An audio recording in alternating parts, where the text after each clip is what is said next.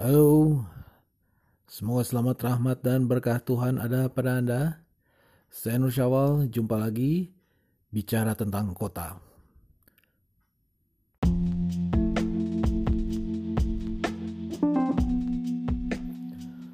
Belum lama ini, sebuah radio swasta berformat berita mewawancarai saya tentang keputusan pemerintah kota untuk merekayasa jalan Cipaganti Sukajadi Bandung jadi arus yang tadinya menuju utara lalu dibalik seluruhnya menuju selatan.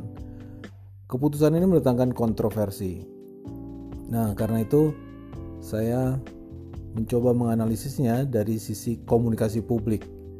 Sebetulnya bagaimana sih gaya pemerintah kota ini? Apakah menuju perbaikan, menjadi lebih baik, atau kembali ke zaman dulu gaya komunikasi publiknya? Nah, berikut ini rekaman saya dengan penyiar di studio radio PRFM Bandung melalui jaringan telepon. Jadi mohon maaf jika suara penyiarnya tidak terlalu terdengar.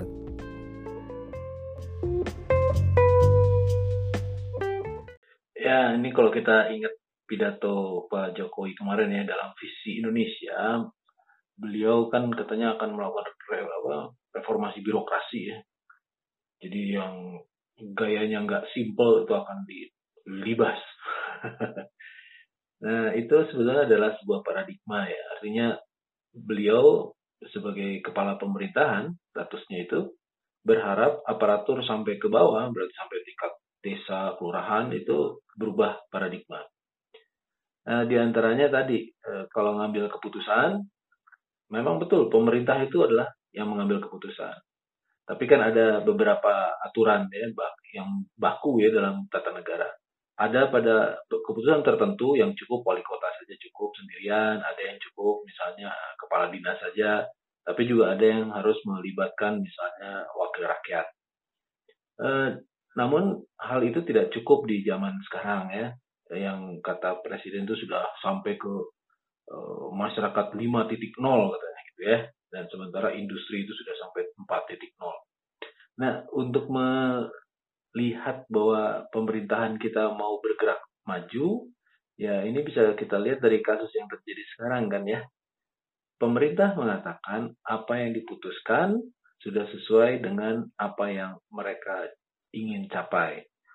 Tapi publik sebagai sasaran keputusan atau pengguna keputusan melihat bahwa justru tidak ada yang dicapai, bahkan mungkin sebuah eh, kemunduran. Ada asimetri, ada ketidaksamaan persepsi. Di sinilah permasalahan komunikasi muncul. Jadi ini yang harusnya diubah oleh pemerintah kota. Jadi ketika ingin mengambil keputusan, betul kalau memang wewenangnya adalah di tingkat kota dan hanya dibutuhkan persetujuan wali kota dalam bentuk keputusan wali kota, ya silahkan ambil. Tapi dalam era sekarang, ketika seluruh masyarakat itu memiliki akses yang luas terhadap informasi dan tidak mungkin lagi ditahan untuk memberikan komentar, maka pemerintah harus juga mulai sedikit mengubah paradigma lama. Kalau keputusan itu diambil terserah saya di ruangan tertutup, lalu setelah itu terima aja lah apa yang kami putuskan. Karena kami pasti tidak akan merugikan masyarakat, selalu bertujuan baik untuk rakyat dan seterusnya dan seterusnya. Di zaman sekarang nggak mungkin lagi cara itu. Karena itu usul saya sih begini aja, kan eh, ketika melakukan rekayasa kebutuhan arus lalu lintas itu pasti ada ukuran-ukurannya. Sebutlah kalau dalam teknik sipil itu minimal ada tiga ukuran. Misalnya mengukur arusnya, mengukur kecepatannya, dan mengukur kepadatannya. Nah, tiga hal itu aja lah yang dipakai, misalnya yang disosialisasikan kepada masyarakat. Jadi sebelum melakukan rekayasa, ini kan juga menjadi kritik di awal ya ketika rekayasa akan dimulai minggu lalu.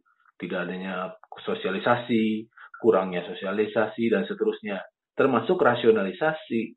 Kenapa eh, Cipaganti suka jadi setia budi dan jalan-jalan sekitarnya itu harus direkayasa. Nah, tampilkan aja data-data, misalnya dalam kurun waktu tertentu sudah pernah dilakukan uh, penelitian, analisis uh, dampak lalu lintas, ya, arusnya seperti apa, kepadatan dan kecepatannya di ruas-ruas jalan tadi seperti apa kondisinya, lalu kemudian direncanakan seperti apa. Nah sekarang setelah ada evaluasi, disampaikan pula data yang sama dengan cara ukur yang sama. Misalnya setelah direkayasa, arusnya seperti apa, kepadatannya bagaimana, kecepatannya bagaimana. Eh, warga pengguna jalan tadi dikatakan banyak pendengar yang ngomong kan ya, ketika saya jalan macet, sementara Pak Wakil Wali Kota ketika kunjungan lapangan lancar. Ya, tentu ini nggak mungkin dipaksakan dua titik yang e, berbeda ini ya. Mungkin masyarakat mengukurnya pada kacamata dia, e, pengambil keputusan juga mengukur dengan kacamatanya sendiri. Nah untuk itu digunakan harus digunakan dua ukuran yang sama. Rakyat maupun pengambil keputusan gunakanlah ukuran yang sama supaya tidak pas ya. Itu namanya debat kusir ya. Dan pasti nggak akan pernah beres. dua malam dua hari dua malam juga di PRFM didiskusikan nggak pernah beres. Jadi usul saya gunakanlah ukuran-ukuran tadi yang lebih rasional. Misalnya dalam analisis dampak lalu lintas atau andalin dikenalnya ya, andalalin itu tiga minimal elemen utama tadi ya arus, ya, kecepatan kepadatan itu digunakan. Jadi setelah selesai rekayasa evaluasi dilihat bagaimana arusnya dari pagi per jam ya sampai tengah hari terus sampai sore sampai tengah malam itu semua dilihat diperlihatkan grafiknya kecepatannya gimana kepadatannya seperti apa dan seterusnya. Sehingga orang bisa melihat oke okay, kalau kemacetan di pagi hari titik mana kepadatannya semana kecepatannya di mana bagaimana gitu. Jadi semua bisa melihat sendiri apa yang terjadi di jalan itu sepanjang masa evaluasi. Nah kalau itu sudah diperlihatkan lalu ter terjadi kontroversi itu udah biasa.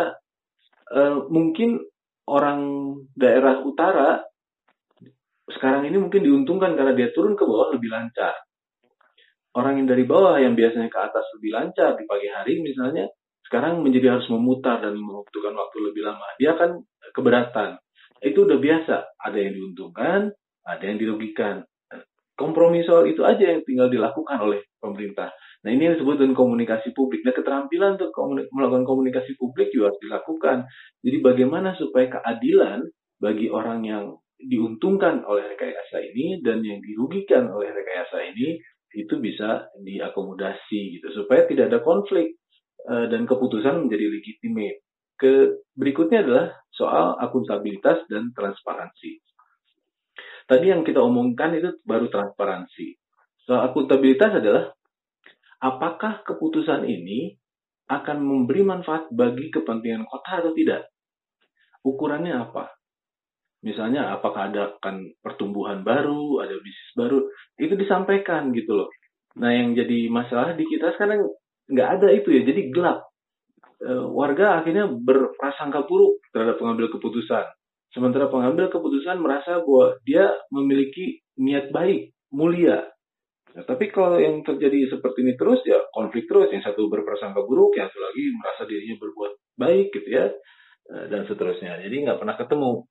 Karena itu usul saya agar pemerintah kota mau ikut ajakan dari presiden untuk mengubah paradigma birokrasi, lakukanlah perubahan-perubahan dalam cara komunikasi publiknya dengan ber, ber, ya dengan memperbaiki para pejabat pengelola informasi dan dokumentasinya. Sekarang ini misalnya yang bicara depan publik kepada PS siapa? Apakah pejabat PPID-nya? Kan bukan ya juga isyarat-isyaratnya juga nggak jelas. Misalnya tadi disebutkan sebagian besar menyetujui. Siapa sebagian besar yang bermusyawarah dalam uh, pengambilan keputusan permanennya rekayasa di Cipaganti itu? Kan nggak disebutkan seluruhnya. Nah, kewenangan mereka yang hadir itu dari mana? Dan seterusnya. Itu kan harus ada transparansi. Nah, ini yang yang mungkin menurut saya sih problem kita yang saya sebut sebagai problem komunikasi gitu ada sesuatu hal yang memang tertutup atau belum tersampaikan sepenuhnya kepada masyarakat. Nah, menurut Anda, Pak Pak Desain ini, eh, siapa saja yang perlu diajak komunikasi dalam memutuskan rekayasa lain jadi ini, Pak Desain? Ya, saya tidak tahu. Seharusnya Pak Wali Kota ya, eh, dalam hal ini berperan aktif karena beliau kan nanti akan menetapkan ya. Jadi eh, harusnya sih eh, saya sih sosok idealnya kan sudah pernah punya ya kita itu orang kota Bandung ya. Ada sosok wali kota yang begitu terbuka aktif ya berkomunikasi dengan publik langsung begitu. Dan sekarang tiba-tiba seperti masuk lagi ke dalam kamar tertutup. Eh, sehingga masyarakat yang sudah pernah punya standar tinggi yang bisa langsung berkomunikasi dengan eh, pimpinannya di tingkat kota seperti ya kehilangan gitu ya eh, sosok seperti itu. Jadi saya sih berharap wali kota saat ini tampil kemudian memberi penjelasan yang transparan dan lalu menyampaikan ukuran-ukuran sehingga semua orang merasa keputusannya ini akuntabel. Barangkali itu solusi yang bisa dilakukan ya karena dulu juga pernah ada kan rekayasa yang cukup masif ya di kota Bandung yaitu mensatu arahkan seluruh jalan di sekitar uh, balai kota. Uh, bahkan sampai ke Cicendo segala macam itu pengaruhnya dan sama juga ada kontroversi tapi sampai sekarang kan berjalan terus itu ya rekayasa seperti itu. Pak dosen ini selama tujuh hari dicoba rekayasa lain, uh, para pemilih menerima banyak uh, masukan baik melalui uh, WhatsApp ataupun di media sosial, baik yang pro maupun yang kontra. Nah, apakah hal-hal seperti ini juga perlu menjadi pertimbangan pada saat Ya, itu sih sudah wajar kan ada pro dan kontra. Setiap orang punya kepentingannya masing-masing dan nggak mungkin uh, semua terpuaskan. Dan uh, pemimpin memang harus mengambil keputusan. Tapi prinsip-prinsip yang perlu di penuhi tadi seperti transparansi dan akuntabel minimal kalau sudah dikerjakan kemudian ada upaya komunikasi publik yang lebih strategis yang lebih terencana yang pro dan kontra barangkali pada satu titik memang harus berhenti berdebat dan menerima keputusan ya selama itu tadi dilakukan ya ada transparansi dan data-data yang bisa dipertanggungjawabkan dan disampaikan kepada publik dengan baik gitu. tidak sepotong-sepotong tidak tidak dibiarkan dalam gelap gitu, dibiarkan diskusi seperti perdebatan antar pro dan kontra itu dibiarkan begitu saja gitu, tidak ada tanggapan, tidak ada reaksi dan seterusnya. Baik, semoga saja ini transparansi dan akuntabel dilakukan sehingga bisa menjawab uh, dan kontra serta berbagai permasalahan lain terkait dengan hal ini di Iya betul karena itu bayangkan aja tadi barusan ada wakil rakyat yang diwawancara oleh PR ya. Beliau aja nampak tidak terinformasi dengan baik ya. itu wakil kita loh. Mereka yang berkepentingan langsung menjadi mitra dari pemerintah kota, tapi mereka juga ternyata tidak terinformasi, apalagi kita ya. Itu yang menjadi kekhawatiran kita sekarang ini. Kayaknya pemerintah kota Bandung, ya saya harap tidak begitulah. Ini mungkin ada satu hal yang mungkin agak terlupakan karena baru saja selesai dari kegiatan besar di tingkat nasional barangkali ya. Tapi pemerintah Kota Bandung harus segera kembali ke standar yang pernah dicapai oleh pemerintah Kota Bandung ya soal transparansi ya. Ya tinggal ditambahkan sekarang ini harusnya oleh pemerintah Kota Bandung yang sekarang ini dengan akuntabilitas gitu. Jadi transparan dan akuntabilitas. Wah, asik banget kalau itu bisa terjadi. Mohon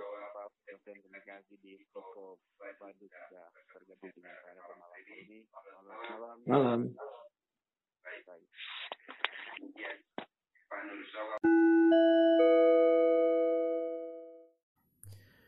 Itu baru saja rekaman wawancara saya bersama Radio PRFM Bandung tentang rekayasa Jalan Cipaganti Setiabudi yang dilakukan pada bulan Juli tahun 2009. Semoga selamat, rahmat, dan berkat Tuhan ada pada Anda. Sampai jumpa di episode yang lain.